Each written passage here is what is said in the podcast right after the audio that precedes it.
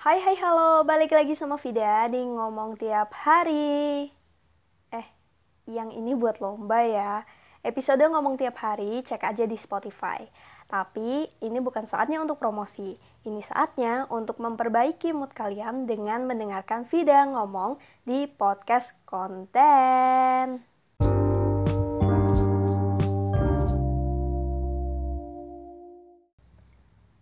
Oke, sebelum bahas banyak soal judul yang udah kalian baca nih, apa itu social media detox? Kalau kalian pernah nonton vlognya Yorajung, Oh Nonina, kalau dari Indonesia tuh kayak Zahid, Marisa Anita, atau semacam talk show gitu kayak TEDx yang bahas soal puasa media sosial. Gampangnya ya, social media detox itu adalah istirahat atau tidak aktif di sosial media dalam kurun waktu tertentu.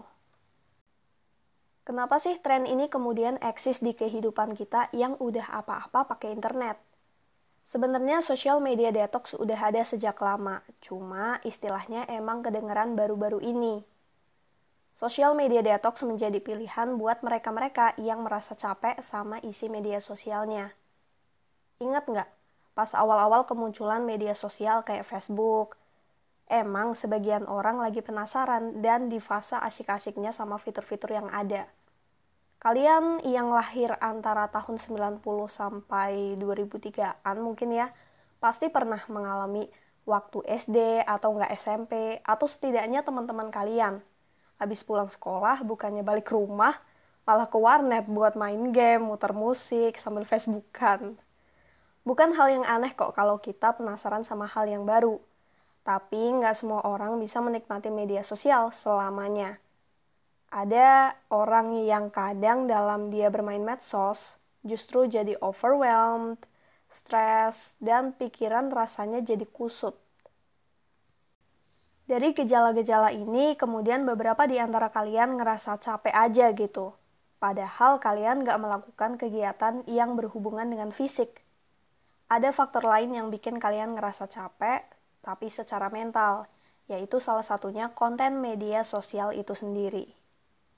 Nggak hanya muncul dari perasaan-perasaan itu, tapi sesekali pernah nggak sih kalian tiba-tiba menyadari bahwa jam tidur berkurang, tugas ketunda-tunda terus, kuota internet cepat habis, dan kalian harus memecah celengan kalian lagi, terus progres kemampuan kalian di bidang akademis atau non-akademis menurun, Terus apa lagi ya?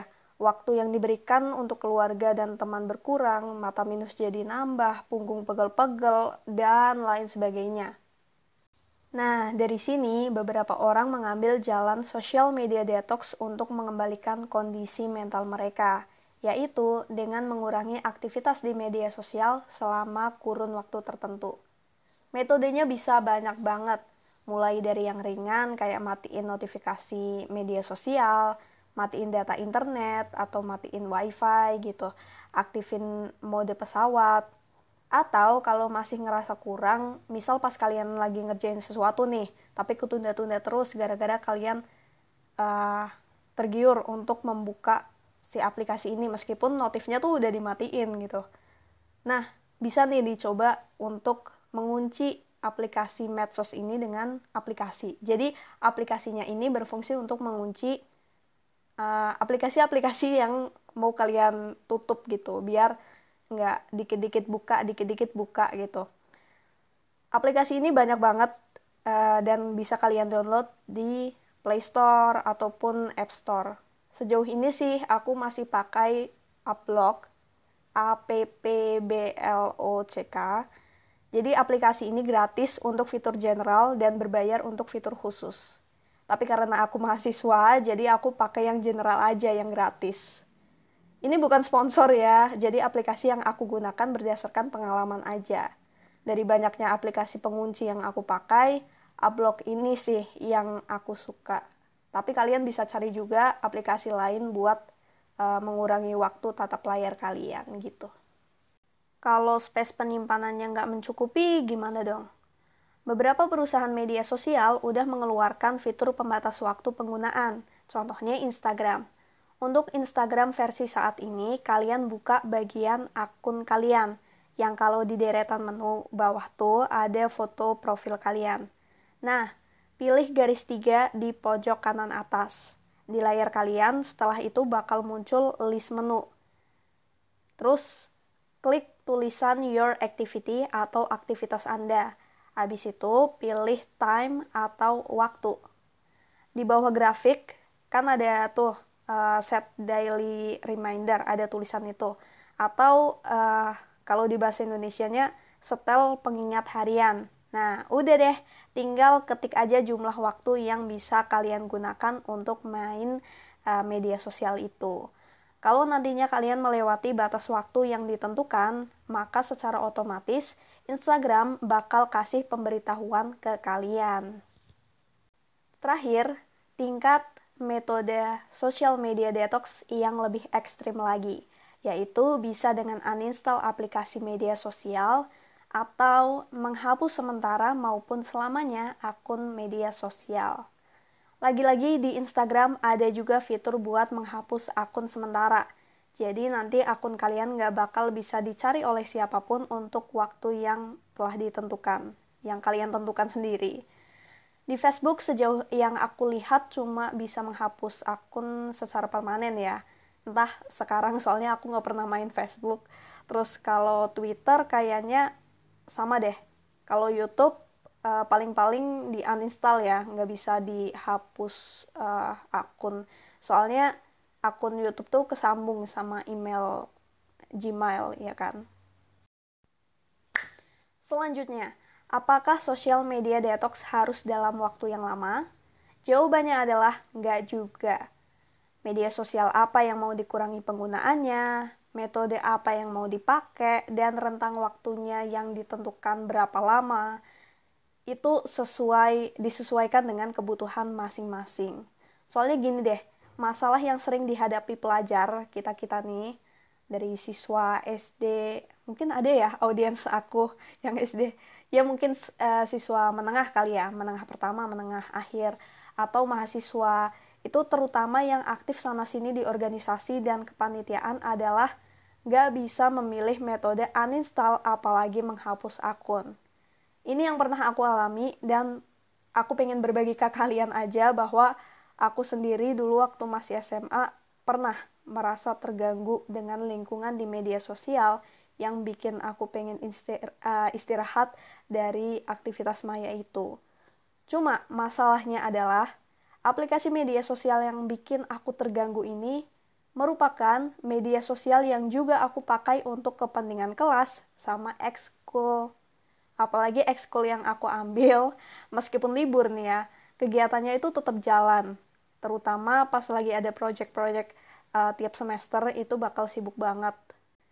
Dan ya nggak mungkin juga kan kita uh, lepas tanggung jawab misalnya dikasih tugas terus uh, karena aku udah capek nih aku pengen uninstall WhatsApp dan lain sebagainya waktu aku SMA masih offline gitu kan masih luring sekolahnya tapi bagaimanapun juga karena kita hidup di uh, era serba digital serba HP gitu meskipun kita luring tapi untuk komunikasi yang apa ya kayak kabar-kabar mau kumpul gitu kan uh, kita selalu butuh yang namanya WhatsApp, Telegram gitu gitu.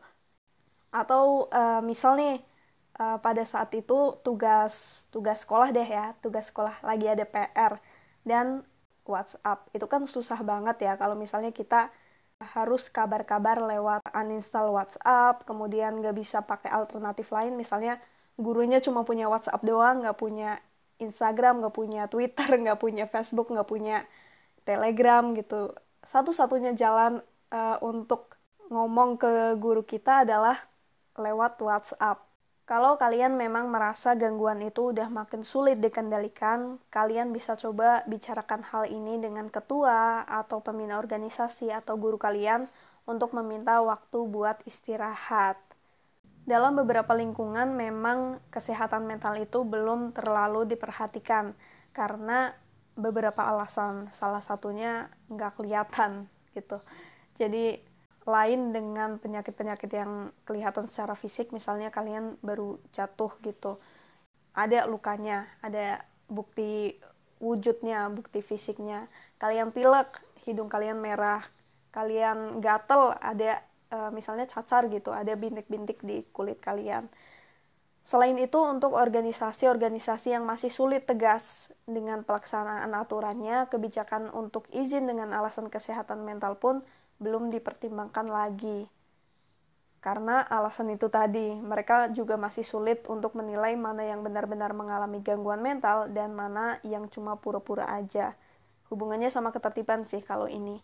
Tapi eh, saranku setiap organisasi harusnya ada ahli psikolog gitu. Jadi psikologi-psikologi, ahli-ahli psikologi yang bisa menangani hal tersebut, yang bisa menilai mana yang beneran, mana yang enggak.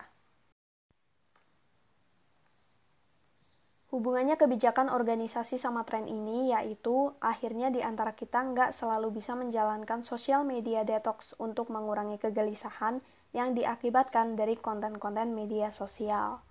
Meskipun begitu, kesehatan mental juga nggak kalah pentingnya. Soalnya kalau kita menjalankan suatu tugas dengan kondisi lahir maupun batin yang buruk, akhirnya dampaknya ke hasil juga.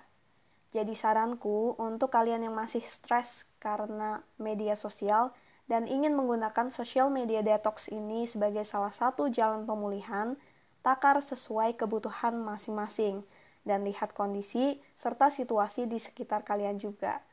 Jangan lakukan karena ikut-ikutan dan memaksakan standar orang lain pada diri kalian.